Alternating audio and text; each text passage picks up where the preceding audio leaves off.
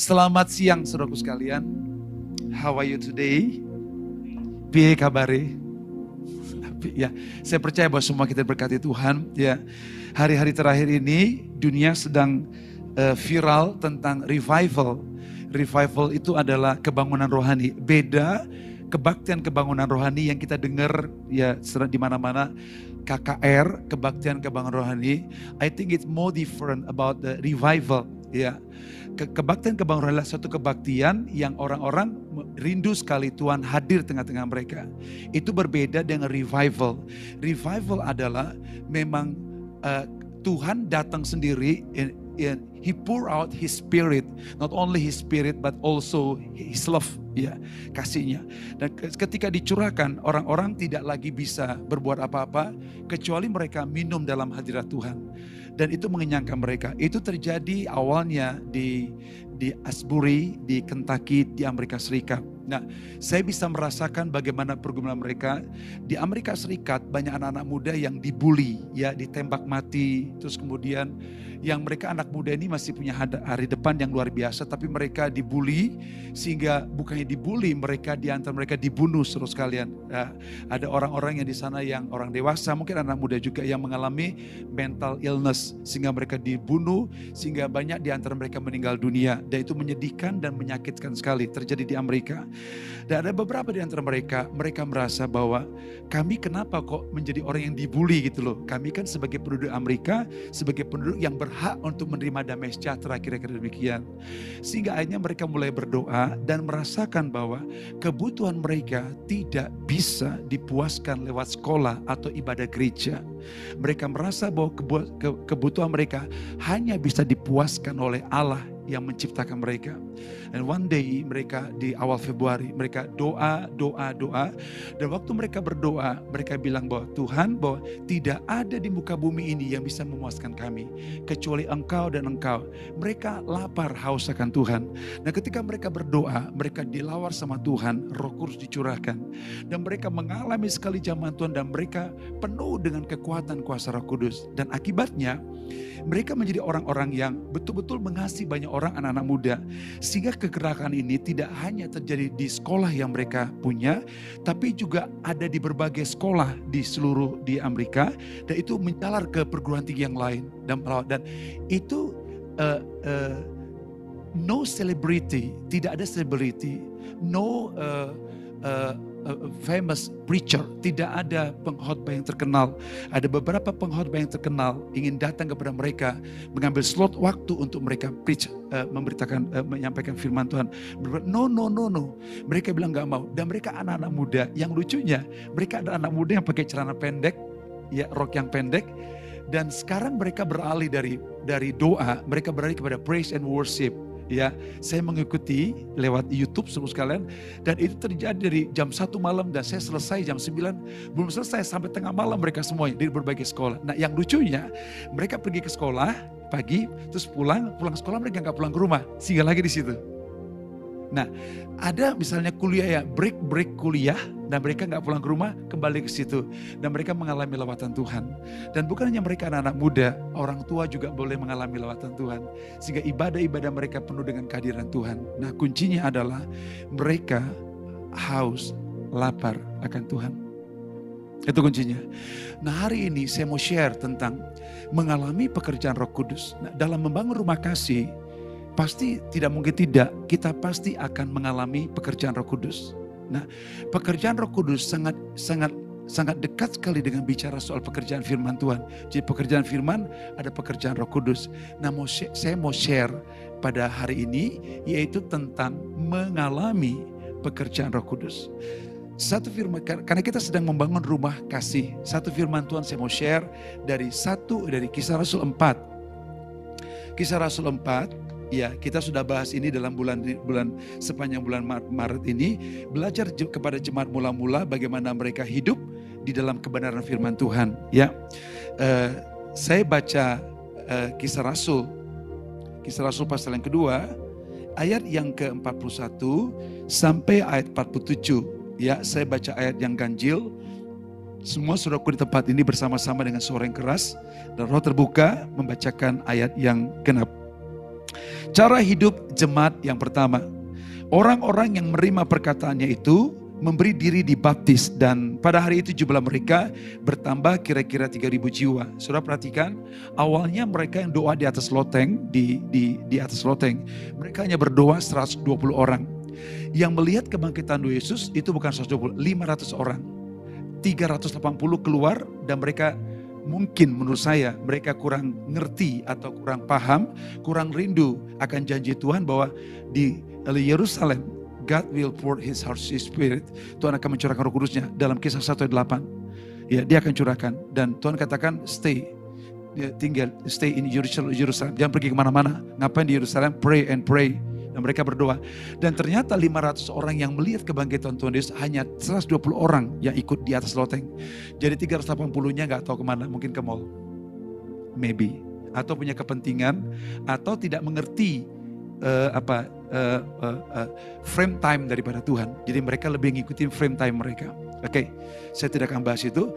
Terus kemudian Roh Kudus curahkan dan Alkitab katakan dari 120 orang yang berdoa, lahirlah jemaat Tuhan berjumlah 3000 jiwa. Itu fantastis. Kalau dikerjakan lewat KKR biasa, kalau dikerjakan dengan acara biasa di sekolah-sekolah, di kampus, saya bilang nggak bisa tercapai. Tapi kalau dikerjakan Roh Kudus yang tidak terbatas, saya sih yakin dan sangat percaya itu bisa terjadi. Baik, sekarang baca ayat ke-42. 1, 2, 3 bersama-sama. 1, 2, 3. Mereka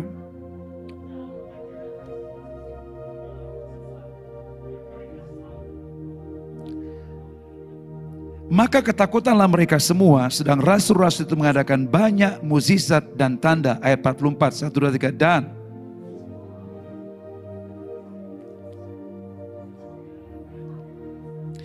Dan selalu ada dari mereka yang menjual harta miliknya, lalu membagi-bagikannya kepada semua orang sesuai dengan kebutuhan masing-masing. Ayat 46, 1, 2, 3. Dengan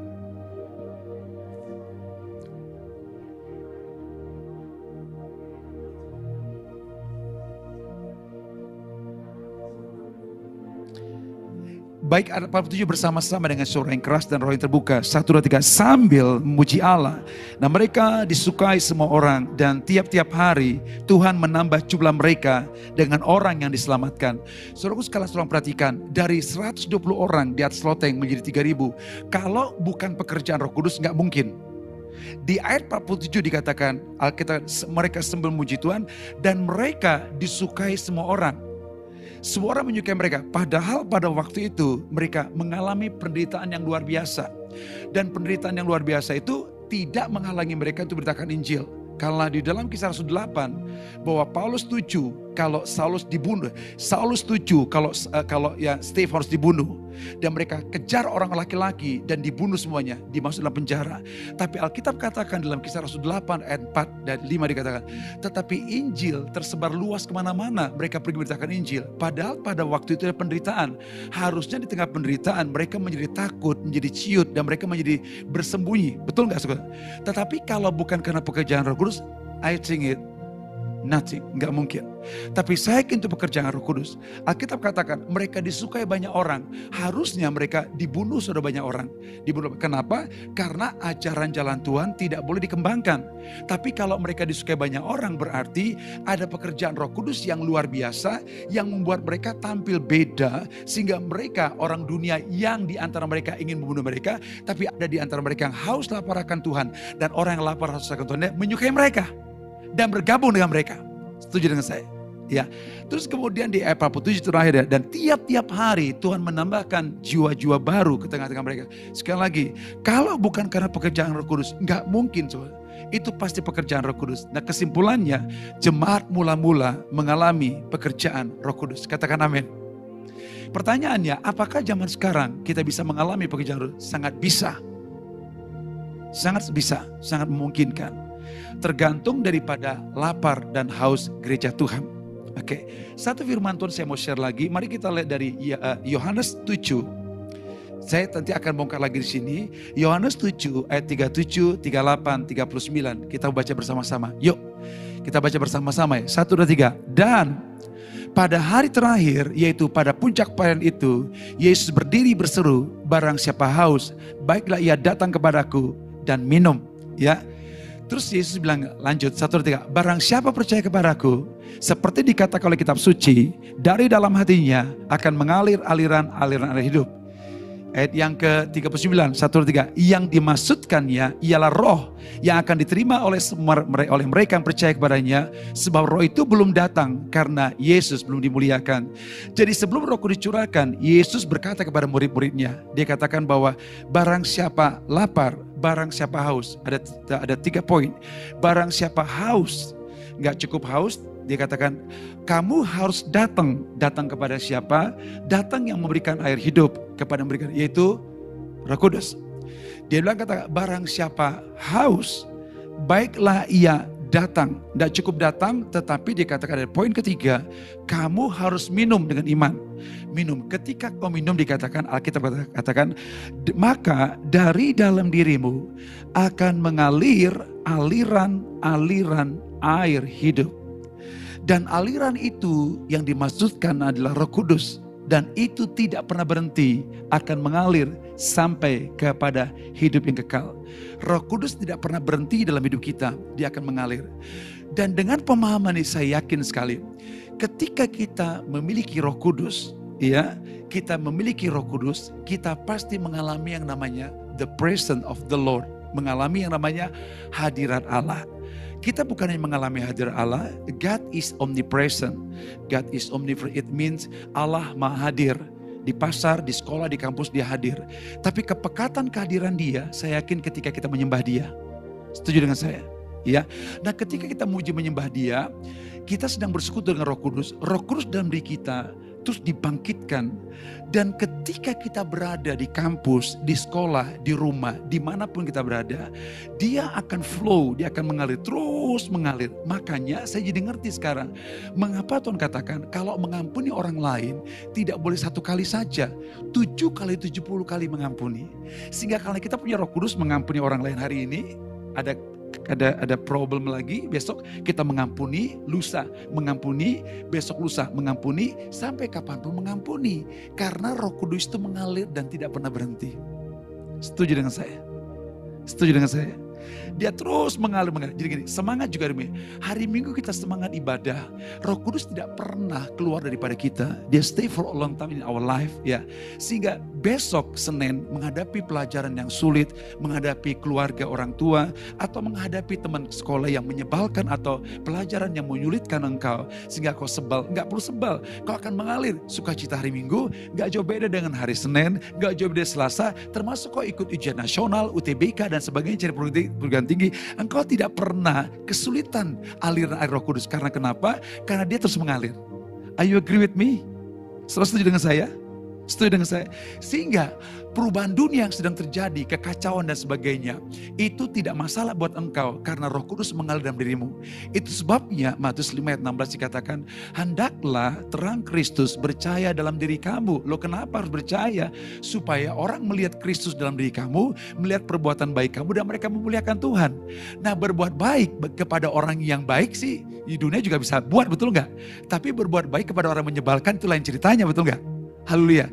Makanya Lukas 3 36 dikatakan, kamu harus murah hati. Loh kenapa? Karena Bapamu adalah murah hati. Haleluya. Iya, Matius pasal 5 7 dikatakan dengan tegas dikatakan, berbahagialah orang murah hati, cepat mengampuni orang lain, menerima orang lain, menghaki, uh, mengampuni orang lain. Berbagai orang, orang murah hati karena mereka akan beroleh kemu. Itu betul. Kita akan mengalami berkat Tuhan luar biasa. Setuju dengan saya? Ya, oke. Okay. Selanjutkan. Berarti seluruh sekalian, roh kudus yang tinggal dalam diri kita sebagai jaminan ada flow dalam diri kita mengalir. Setuju dengan saya? Dan jemar mula-mula sangat apa ya, hormat give him a honor, not only honor but uh, they adore. Dia menyembah, ya. Dan bukti mereka menyembah, mereka saling mengasihi satu dengan yang lain gitu loh. Dan mereka tekun di dalam apa pengajaran firman Tuhan. Nah, beberapa poin saya sampaikan. Uh, ketika kita punya poin itu dan kita uh, kita punya gaya hidup yang sama, pola hidup, budaya hidup seperti gereja mula-mula, saya mengatakan bukan insya Allah, tapi pasti terjadi. Amin. Ya, apa yang terjadi baik pelajar uh, youth tahun-tahun di awal tahun 80 itu bukan kenangan. eh, Tuhan akan membuat kembali revival. Karena setiap kali Tuhan berkata bahwa uh, dia mencari orang bersungguh hati kepada dia dan dia akan melimpahkan kekuatannya. Dia cari orang namanya Daud. Daud selesai, ada Salomo. Salomo selesai, ada Nabi Jesaya. Ini selesai, ada Nabi ini. Ya, uh, uh, Abraham selesai, muncul yang namanya Ishak. Ishak selesai, muncul yang namanya Yakub. Yakub selesai. Ya. Every age, setiap uh, setiap zaman Tuhan pakai orang-orang. Dan I believe, saya percaya bahwa inilah zaman saudara di akhir zaman Amin. Sehingga kita koneksi dengan bapak-bapak rohani yang pernah mengalami itu supaya kau punya nilai-nilai ilahi. Dan saya ingin menyampaikan kebenaran ini. Nah saudara perhatikan kembali ya, di dalam uh, kisah Rasul pasal yang pertama tadi, pasal 2, ayat yang ke-42. Mereka punya budaya yang baru. Ya, kisah Rasul 2 ayat 42, saya ingin baca. Mereka bertekun dalam pengajaran rasul-rasul. Apa maksudnya? Dulu tidak ada Alkitab, belum ada Alkitab, ya. Sekarang ada Alkitab. Nah, sehingga mereka menantikan suara Tuhan lewat rasul-rasul. Dan mereka Alkitab kata tekun dalam pengajaran rasul-rasul. Katakan bersama, tekun. Sungguh-sungguh. Serius. Mengutamakan. Merindukan. Haus akan firman Tuhan ya wajar mereka mengalami pekerjaan roh kudus. Ya kalau mereka punya firman Tuhan, gak mungkin mereka tidak mengampuni. Kalau mereka punya firman Tuhan, pasti mengasihi dengan everlasting love. Tidak mungkin mereka menjadi orang menghakimi, nuntut orang lain, membenci orang lain, ngomongin orang lain. Gak mungkin lah. Karena mereka punya roh kudus. Tapi kalau tidak ada aliran, wajar mereka membenci, menghakimi, muncul blok demi blok, warna kulit berbeda, kita nggak bisa mengasihi terus kalian. Betul. Itu wajar. Karena kita tidak mengalami kebenaran firman Tuhan. Tapi ketika kita mengalami kebenaran firman Tuhan, sangat memungkin bagi kita yang tidak mungkin kita lakukan bisa mungkin karena kita punya kekuatan firman Tuhan. Oke. Okay? Nah sekarang kita lihat firman Tuhan 1 Tesalonika pasal 5, maaf 1 Tesalonika 1 ayat yang ke-6 kita baca bersama-sama. Ya, kita lihat belajar bersama-sama bagaimana gregetnya jemaat Tesalonika terhadap firman Tuhan. Halo? Are you ready? Oke, okay, yuk kita baca ayat 6 dari 1 Tesalonika 1. 1, 2, 3. Dan kamu telah menjadi penurut kami dan penurut Tuhan. Dalam penindasan yang berat, kamu telah menerima firman itu dengan sukacita yang dikerjakan oleh Roh Kudus. Paulus ngomong kepada jemaat Tesalonika, eh jemaat Tesalonika ini baker, luar biasa. Mereka menjadi penurut Tuhan, menjadi, mereka menjadi penurut kami. Walaupun ada penindasan luar biasa. Yang kerennya, mereka menerima firman Tuhan dengan sukacita. Haleluya. Mereka nggak pilih-pilih firman Tuhan. Ada masalah persoalan tidak penting banget. Mereka terima firman Tuhan yang dengan sukacita yang dikerjakan oleh Roh Kudus. Makanya perlu ibadah seperti ini kita catat firman Tuhan. Amin. Karena kita sering lupa ya, catat firman Tuhan.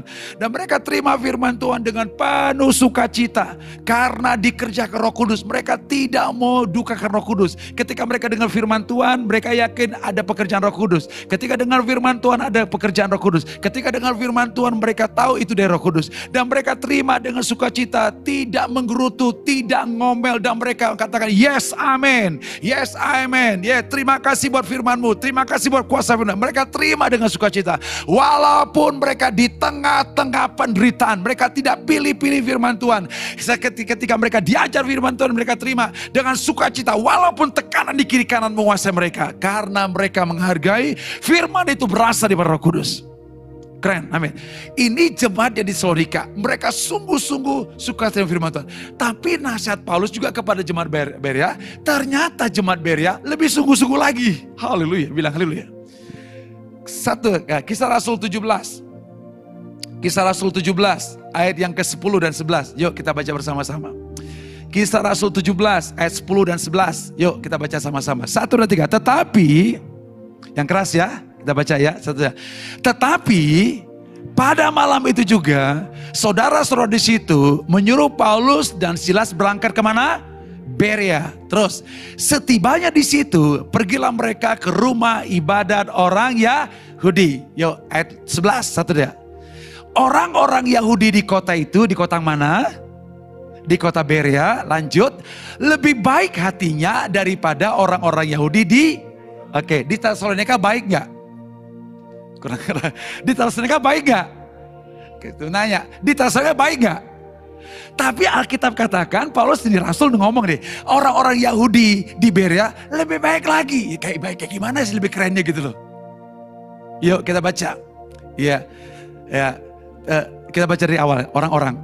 Orang-orang Yahudi di kota itu di Berea lebih baik hatinya daripada orang-orang Yahudi di Iya, haleluya. Keren abis nih orang-orang di Berea ini ya. Haleluya. Berea, keren. Koma, lanjut. Karena, yuk. Karena mereka firm, menerima firman itu dengan segala kerelaan hati. Apa baiknya? Mereka terima firman itu dengan rela hati. Keren. Rela hati menerima firman Tuhan. Gak mudah terima firman itu rela hati. Kita masa iya sih? Dokternya gak mah? Oh gak benar? Gitu. Ini nih, suka ngeyel. Ono-ono ai. Ya, di sini. Ya. Tapi mereka menerima firman Tuhan dengan rela hati. Ya, bahasa Sundanya welcome. Haleluya. Paham ya? Dengan rela hati. Jadi kalau gitu loh, ngacai gitu loh. Betul nggak? Ya, sampai kasus yang terjadi tuh mereka dengan firman Tuhan sampai jatuh. Dia di Tiranus ya. Jadi senang dengan firman Tuhan. Oke, lanjut. Dengan segala kerelaan hati dan setiap hari mereka menyelidiki kitab suci untuk mengetahui apakah semua itu benar demikian. Tiap hari. Emang gak kerja? Emang gak kuliah? Emang gak ngampus? Emang gak pergi ke lab? Emang gak buat praktek? Gak buat laporan? Pasti mereka punya tugas betul gak? Mereka punya tanggung jawab anak, mulai anak-anak sebagai orang tua, sebagai petani, nelayan. Emang baca Alkitab doang? Tidak. Tapi keren abis. Maka dibilang lebih sungguh-sungguh. Mereka tiap hari menyelidiki kitab suci. Tanya, ini benar atau enggak? Penerapannya kayak gimana? Aku sudah renungkan atau belum? Aku lakukan atau belum? Apakah nempel di otak saja? Atau dia sejatuh ke hati saya? Atau saya langkai dengan kaki saya? Saya berjalan kaki saya? Mereka takut sekali, sekali. Gak enteng mereka nggak firman Tuhan. Mereka menganggap bahwa firman itu suara Tuhan. Mereka menganggap bahwa suara yang ketika mereka taat mereka mengalami mukjizat. Kalau zaman sekarang orang ngentengin firman Tuhan suku sekali. Anggap angin lalu sekali. Tiap hari. Tiap hari. Padahal di, di HP kita ada kitab betul nggak? Tapi orang lebih senang. Saya tidak bicara salah benar. Orang lebih senang dengan game Orang lebih senang dengan TikTok. Oleh oleh sebab itu salah. Saya tidak katakan salah benar. Itu bukan. Saya katakan kita harus hidup dengan seimbang. Ini penting kita pahami. Kalau kita bilang, Lord I love you. When you love Jesus, Ketika kau mencari Yesus, engkau juga dekat dengan firman Tuhan, rasa Tuhan. Sehingga bisa hidup tanpa firman Tuhan. Mengambil keputusan dalam kuliah, eh, tempat sekolah, pasangan hidup, dalam bekerja. Harus minta tuntunan firman Tuhan. Jangan andalkan kekuatanmu. Dan Tuhan katakan Tuhan senang orang-orang yang mengandalkan Tuhan akan diberkati Tuhan. Di sisi yang lain dikatakan, setiap firman yang keluar dari mulut Allah tidak pernah kembali dengan sia-sia. Dia akan melakukan seperti yang dia inginkan sungguh sekalian. Keren jemaat Tesalonika. Eh, keren jemaat di Berea. Satu lagi, ada jemaat yang lebih keren lagi. Sudah. Ya, keren lah, bukan keren, keren cukup keren. Yakobus 1 ayat 25. Kita baca bersama-sama. Yakobus 1 ayat 25. 1, 2, 3. Tetapi barang siapa meneliti hukum yang sempurna, yaitu hukum yang memerdekakan orang, dan ia bertekun di dalamnya, jadi bukan hanya mendengar untuk melupakannya, lanjut, tetapi sungguh-sungguh melakukannya, ia akan berbahagia oleh perbuatannya. Keren. Dia katakan, tetapi barang siapa meneliti hukum, ya, merenungkan siang dan malam, itu jemaat Beria mereka katakan setiap hari mereka melidiki kitab suci. Alkitab sama juga barang siapa meliti hukum yang sempurna kemudian yaitu hukum mereka ya bertekun di dalamnya, bertekun hidup di dalamnya, tak takut akan Tuhan, lapar haus akan firman Tuhan. Kalau Tuhan katakan berbagai orang lapar haus akan Tuhan, mereka pasti akan dipuaskan. Kalau mereka sudah dipuaskan, mereka katakan kepada dunia, no, no. Dan Tuhan katakan dengan tegas, dikatakan.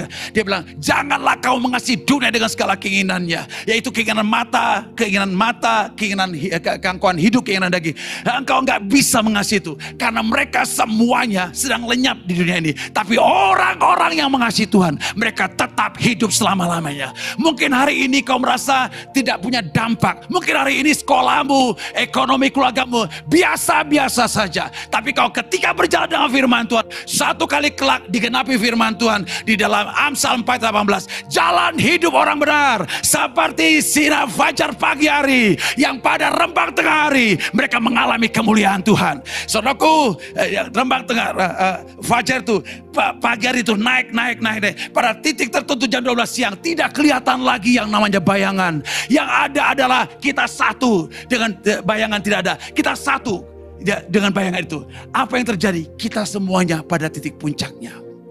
Itu saya believe, saya yakin sekali. Engkau akan dipakai sama Tuhan. Di marketplace, sebagai seorang pebisnis, sebagai seorang uh, pegawai negeri, sebagai ahli politik, ahli hukum. Engkau akan dipakai sama Tuhan. Don't see, jangan lihat hari ini. Tapi lihatlah Allah yang besar. Yang mengizinkan kau hadir di muka bumi. Kalau dia mengizinkan berarti dia bertanggung jawab. Kalau dia bertanggung jawab, saya yakin bahwa dia akan membawa kita from glory to glory. Di sisi yang lain, dia akan tolong kita. How? Bagaimana caranya menyelesaikan semuanya? Setuju dengan saya? Jadi, meneliti hukum, ya cukup. Sungguh-sungguh melakukannya. Kita katakan, mereka akan bahagia. Mereka bilang, Tuhan kebahagiaanku adalah bukan karena aku pintar, Bukan aku kaya, bukan aku dapat perguruan tinggi terkenal. No, kebahagiaanku adalah firmanmu itu kutanam dalam batinku. Aku takut akan Allah. Dan akibat daripada itu, dia akan mengalami yang namanya dipromosikan sama Tuhan. Wow, luar biasa. Ya, awal tahun Tuhan kasih tahu Filipi uh, Mazmur 91 ayat 14 dia bilang begini suku sekali. Yang hatinya melekat kepadaku, aku akan meluputkan mereka. Aku akan membentengi mereka dan bukan karena mereka mengenal namaku. Itu ayat 14. Ayat 15 dikatakan, ketika mereka berseru dalam kesesakan, aku akan menjawab mereka. Aku akan membentengi mereka. Dan, wah keren, ayat 15 dari Mazmur 1. Dan aku akan memuliakan mereka. Ini bicara promosi-promosi di Tuhan untuk setiap aspek hidup kita. Dan di bawah di ayat 16 dikatakan, dengan panjang umur aku akan kenyangkan ke dia, aku kenyangkan dia. Dan keselamatan daripadaku akan kutunjukkan kepada dia. Keren. Kok nggak amin? Keren Tuhan kita luar biasa. Itu membuat saya bergairah dengan Tuhan. Ya, sangat bergairah. Makanya kalau saya ketemu dengan orang-orang yang misalnya mulai PHK, pensiun dan mengenai don't worry lah. Dari mana ketika kita memandang gunung-gunung, dari mana pertolongan kita? Kita punya pertolongan dari Allah semesta alam. Setuju dengan saya. Jadi mereka lekat dengan firman Tuhan. Kalau mereka lekat dengan firman Tuhan, kita rindu dengan firman Tuhan. Saya yakin sekali kita akan dan pasti mengalami pekerjaan roh kudus. Setuju dengan saya. Nah yang kedua, mereka tidak cukup hanya bergerak dengan kebenaran firman Tuhan. Mereka juga menjadi pribadi, sekali lagi saya tekankan, dan firman Allah yang keluar dari mulut Allah setiap hari diberi kepada kita, tidak pernah kembali dengan sia-sia. Dia akan menggenapi firman itu. Halo? Setuju dengan saya? Nah, yang kedua, suku sekalian, mereka juga bertekun dalam persekutuan. Ini penting. Jadi mereka tuh punya budaya baru, suka firman Tuhan, kemudian suka bersekutu. Nah kalau bersekutu tuh kenapa mereka suka? Karena mereka tinggal dalam terang. Tidak mungkin saya bersekutu dengan orang lain kalau saya tinggal dalam gelap, betul nggak? Berarti saya nggak punya sekatan dengan orang lain, ya. Saya mengasihi orang lain, saya rela menolong orang lain. Kenapa? Karena saya bersekutu. Jadi kalau saya bersekutu dengan orang lain tetapi saya menyimpan dosa, kesalahan pribadi atau orang lain, maka tidak mungkin bisa bersekutu. Saya tinggal dalam kegelapan. Iya, tidak bisa. Itu sebabnya mereka bersekutu. Nah dalam persekutuan itu mengakibat mereka saling mengasihi, saling menerima. Haleluya. Iya. Enggak mudah kita bisa bersekutu. Warna kulit berbeda, repot juga ya. Repot nggak? Nggak repot? Nggak repot? Termasuk orang yang menyebalkan? Iya. Nah tapi kalau kita dalam Tuhan, kita bisa terima. Loh kenapa? Karena kita taat kepada firman Tuhan. Nah dalam persekutuan itu, bagaimana kita mengalami yang namanya pekerjaan roh kudus? Mari kita lihat dari Mazmur 133 ayat yang ke pertama sampai ayat yang ketiga. Yuk kita baca bersama-sama. Uh, Mazmur 133 ayat 1 sampai 3. 1 dan 3. Nyanyian Jiara Daud. Sungguh alangkah baiknya dan indahnya apabila saudara diam bersama-sama dengan rukun, bukan RT RW, rukun warga. Rukun artinya bahwa saling mengasihi, saling menerima, ya. Terus kemudian saling mengampuni satu dengan yang lain, saling membutuhkan, saling tolong menolong satu dengan yang lain. Tidak merasa bahwa kita lebih hebat daripada yang lain, ya. Bicara soal tingkat ekonomi atau tingkat pendidikan yang berbeda, tapi kita menjadi orang-orang yang menerima, ya. Saudara perhatikan di sekarang banyak di, eh, banyak terjadi orang-orang anak-anak muda yang flashing ya, merasa dirinya kaya, bukan kaya pribadi, kaya dari orang tuanya, pada isinya korupsi semuanya. Betul nggak? Karena mereka sebetulnya menurut saya, mereka ada sakit dalam hati mereka, butuh pujian dari orang lain lewat flashing lewat kelebihan harta. Padahal sebetulnya kalau kita dalam Tuhan, mau hartamu kurang nggak kurang, ya mau gue pikirin betul nggak? Yang kurang saya bantu, yang lebih bantu saya kan gitu kan? Bilang haleluya. Betul? Iya. Nah karena flashing itulah akhirnya apa terjadi. Mereka butuh satu pengakuan. Sebenarnya dalam daripada semua pengakuan itu ada menurut saya nih, saya bukan psikolog, tapi menurut pelayanan konseling yang saya lakukan ada di situ ada sedikit mental illness sebetulnya. Keberhargaan yang mereka miliki di, di, di bisa dipuaskan ketika mereka kaya. Padahal Yesus kaya, kita menjadi miskin, kita Yesus kaya menjadi miskin supaya kita miskin jadi kaya. Betul nggak? Nah penerimaan bukan karena harta kita, bukan karena sekolah kita, bukan karena kita pinter, bukan karena kita punya banyak uang, bukan karena kita tampilannya oke. Enggak, penerimaan kita yang pertama harus bebas merdeka, diterima oleh Tuhan. Ketika diterima sama Tuhan, kita yakin kita sang eh, kita eh, diterima oleh orang lain. Kalaupun orang lain tidak terima kita, kita merasa feel free karena Allah sudah menerima kita. I think it's enough. Setuju dengan saya? Iya. Ayat 1 mereka diam bersama dengan rukun. Ayat 2 kita baca bersama-sama. 1, 2, 3. Seperti minyak yang baik di atas kepala meleleh ke janggut. Yang meleleh ke janggut Harun dan ke leher jubahnya. Ini bicara anointing, pengurapan dari roh kudus. Ayat yang ketiga. 1, 2, 3. Seperti embun gunung Hermon yang turun ke atas gunung-gunung Sion. Sebab ke sanalah Tuhan memerintahkan berkat, kehidupan, untuk selama-lamanya. Pekerjaan roh kudus ternyata terjadi di antara orang-orang yang bersekutu dalam kerukunan. Alkitab katakan, ke sanalah Tuhan memerintahkan berkat kehidupan forever and ever, selama-lamanya kita mengalami berkat Tuhan. Nah, anak-anak muda itu berkumpul, saling mengasihi, satu, saling menerima satu dengan yang lain. Ke sanalah Tuhan memberkati kita. Ada, ada. Saya rasa hari terakhir, bagaimana Tuhan bicara sama saya. Allah akan mengerjakan perkara-perkara supranatural. Allah akan bekerja pelayanan malaikat yang membuat kita, oh my God, oh my God, oh ya, kaget saya kok bisa, paham ya? Kok bisa? Kita akan mengalami pelayanan supernatural dari sorga dan pelayanan malaikat yang OMG gitu. Jadi bukan dunia aja bilang OMG gitu. Oh my God, rasanya kaget aja sih gitu loh. Paham ya? Dan kau akan mengalami dalam pekerjaanmu, dalam studimu.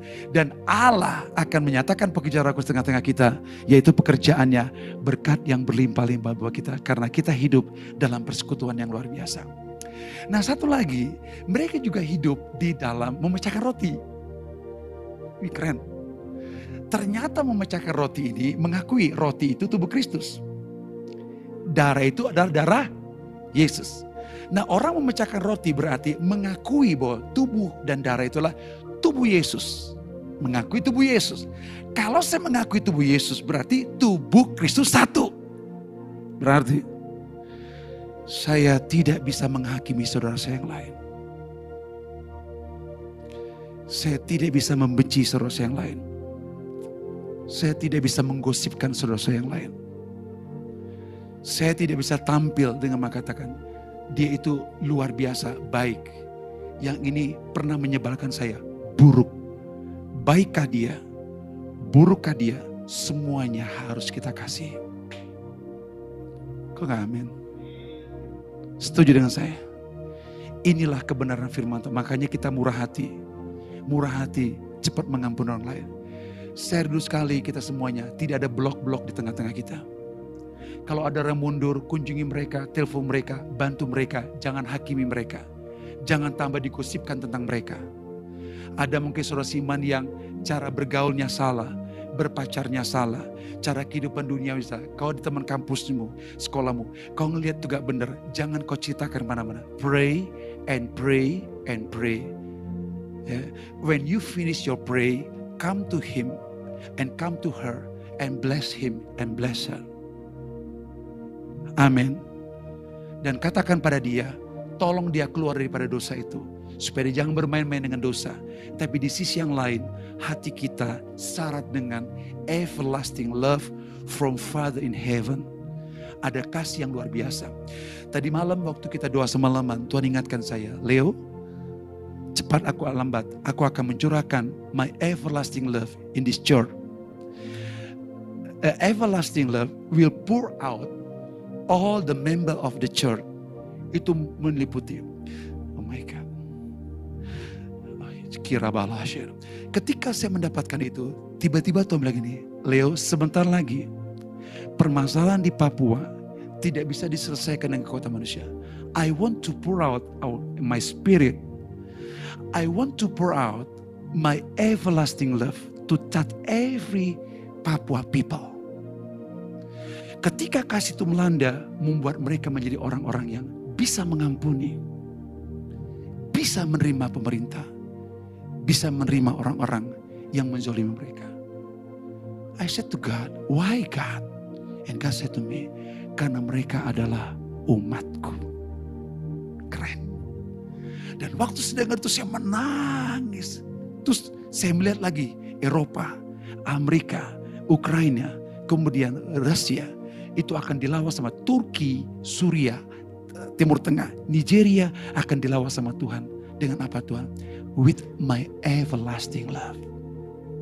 Terus saya datang lagi Tuhan, saya dengar ada pemulihan di mana-mana, kekerasan rumah tangga berada, bla bla bla Stop.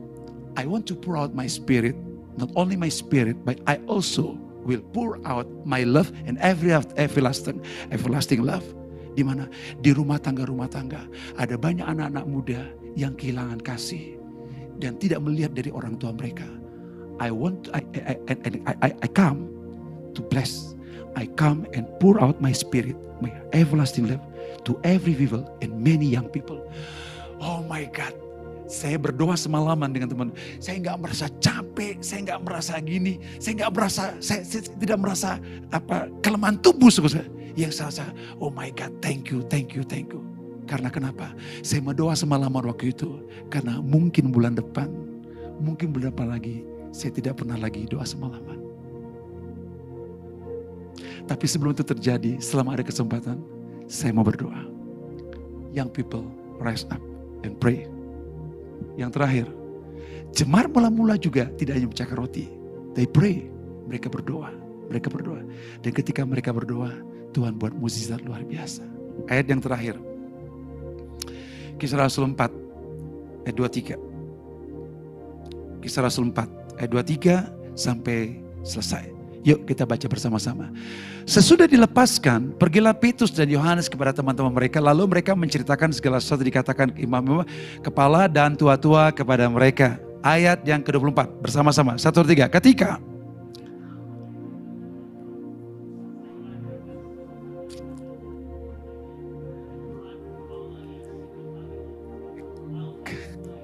Keren ya, ketika mereka dengar uh, testimoni dari Paul dari Yohanes dan Petrus bagaimana pekerjaan imam para tua-tua yang menyiksa mereka itu keren banget. Saya senang dengan ayat ini di tiga.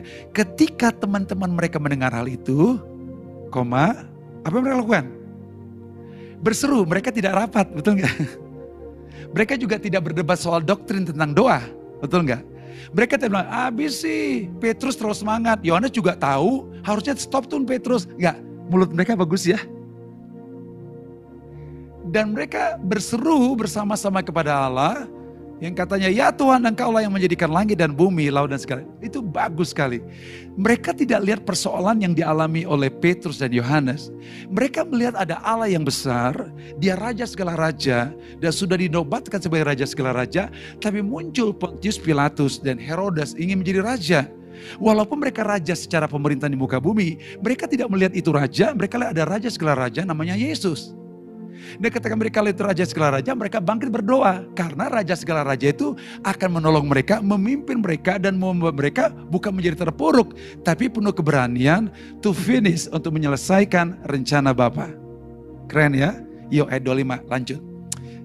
Satu, dua, tiga. Dan oleh roh kudus dengan perantaran hambamu Daud, Bapa kami, engkau telah berfirman, mengapa rusuh bangsa-bangsa, mengapa suku-suku bangsa mereka-reka perkara yang sia-sia. 26. Raja-raja dunia bersiap-siap dan para pembesar berkumpul untuk melawan Tuhan yang diurapinya. 27.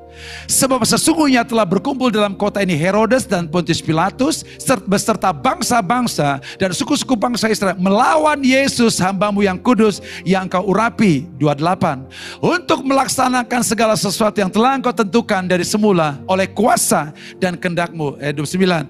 Dan sekarang ya Allah, lihatlah bagaimana mereka mengancam kami dan berikanlah kepada hamba-hambamu keberanian untuk memberitakan firmanmu. Ayat 30. Ulurkanlah tanganmu untuk menyembuhkan orang dan adakanlah tanda-tanda dan muzizat-muzizat oleh nama Yesus hambamu yang kudus. Ayat yang terakhir. Dan ketika mereka sedang berdoa, goyanglah tempat mereka berkumpul itu. Dan mereka semua penuh dengan roh kudus. Lalu mereka memberitakan firman Allah dengan berani. Pemusik naik maju ke, ke depan. Pemusik. Sehingga ketika mereka berdoa bersama-sama dan mereka hidup dalam doa bersama-sama, Alkitab katakan uh, Roh Kudus dicurahkan di antara mereka. Dan ketika harus dicurahkan mereka, mereka penuh dengan Roh Kudus, goyanglah tempat mereka berdoa. Dan yang paling penting bukan hanya pengalaman dengan Roh Kudus, akibat pengalaman Roh Kudus, mereka pergi memberitakan Injil dengan penuh keberanian, disertai dengan tanda mukjizat. Adik-adik sekalian yang kuliah, ada banyak tantangan dalam kuliah atau yang sekolah, PR, praktek dan sebagainya. Juga yang ikut yang akan ikut sekarang yang kelas 3 ya, kelas terakhir ada praktek dan sebagainya. Daftar di UTBK, jalur ini, jalur ini. Dan sayangan begitu banyak pasti ciut dan takut dan sebagainya. Satu sisi kita sebagai anak Tuhan harus punya kesaksian. Mungkin orang tua saudara punya yang namanya target atau punya ekspektasi yang tinggi. Kau merasa I cannot, I can, I can, I can. Saya nggak bisa untuk semuanya itu. Sehingga kau menjadi takut, sehingga kau galau dan sebagainya. But don't worry. Dan mari hidup dalam kebenaran firman Tuhan. Cintailah firman Tuhan. Tetap dalam persekutuan, memecahkan roti, mengasihi orang lain, memberkati orang lain. Dan hidup dalam doa, kau akan melihat bagaimana the glory of the Lord, kemuliaan Tuhan, kuasa Tuhan yang tidak terbatas. Pekerjaan roh kudus yang tidak terbatas, bekerja atas hidupmu, atas keluargamu. Mungkin dalam keluarga kau, kau mengalami ekonomi yang masalah besar sekali. Jangan kau menangis, jangan kau takut. Tapi izinkanlah firman Tuhan bekerja. Izinkanlah roh kudus bekerja dalam doamu, kau akan melihat kuasa Allah tidak terbatas akan bekerja. Ada amin seluruh sekalian? Ada amin. Sehingga sebenarnya apa yang saya mau sampaikan ini, bukan hanya pekerjaan roh kudus, tujuan terakhir kita dapat menolong orang lain yang lebih punya persoalan daripada kita. Kalau kita punya persoalan, God will make a way for you and me. Tetapi bagi orang yang tidak mengenal Tuhan, sedih. Kejadian yang di Turki, Turki juga di, di Suria, orang yang meninggal dunia, kehilangan semuanya suku sekalian. Ya. Sangat menyedihkan. Di berbagai tempat di Afghanistan, di berbagai negara, Myanmar, mereka krisis ekonomi di Sri Lanka, di Amerika Latin, itu ekonomi mereka morat marit sekali, sulit sekali. Jadi pembunuhan, pertikaian dan sebagainya. Cari uang susah sekali. Tapi kita dalam perlindungan Tuhan, kita tolong mereka. Minimal, we pray for them kita berdoa buat mereka, ada firman Tuhan, kita firman kita nyatakan. Nah, sehingga akhirnya kita mulai membangun kebenaran di tengah-tengah jemaat Tuhan. Apa yang kita bangun adalah rumah kasih yang siap berkat orang lain. Bulan depan kita belajar bersama-sama bagaimana membangun kehidupan ilahi yang berbeda dengan orang lain. Kehidupan ilahi ini penting buat kita supaya kita berbeda dengan dunia. Dunia datang kepada kita. It's all not about me, It's all not about my mind, about my body. It's all about who is Jesus, who live in our heart, and I believe to his love. Amen.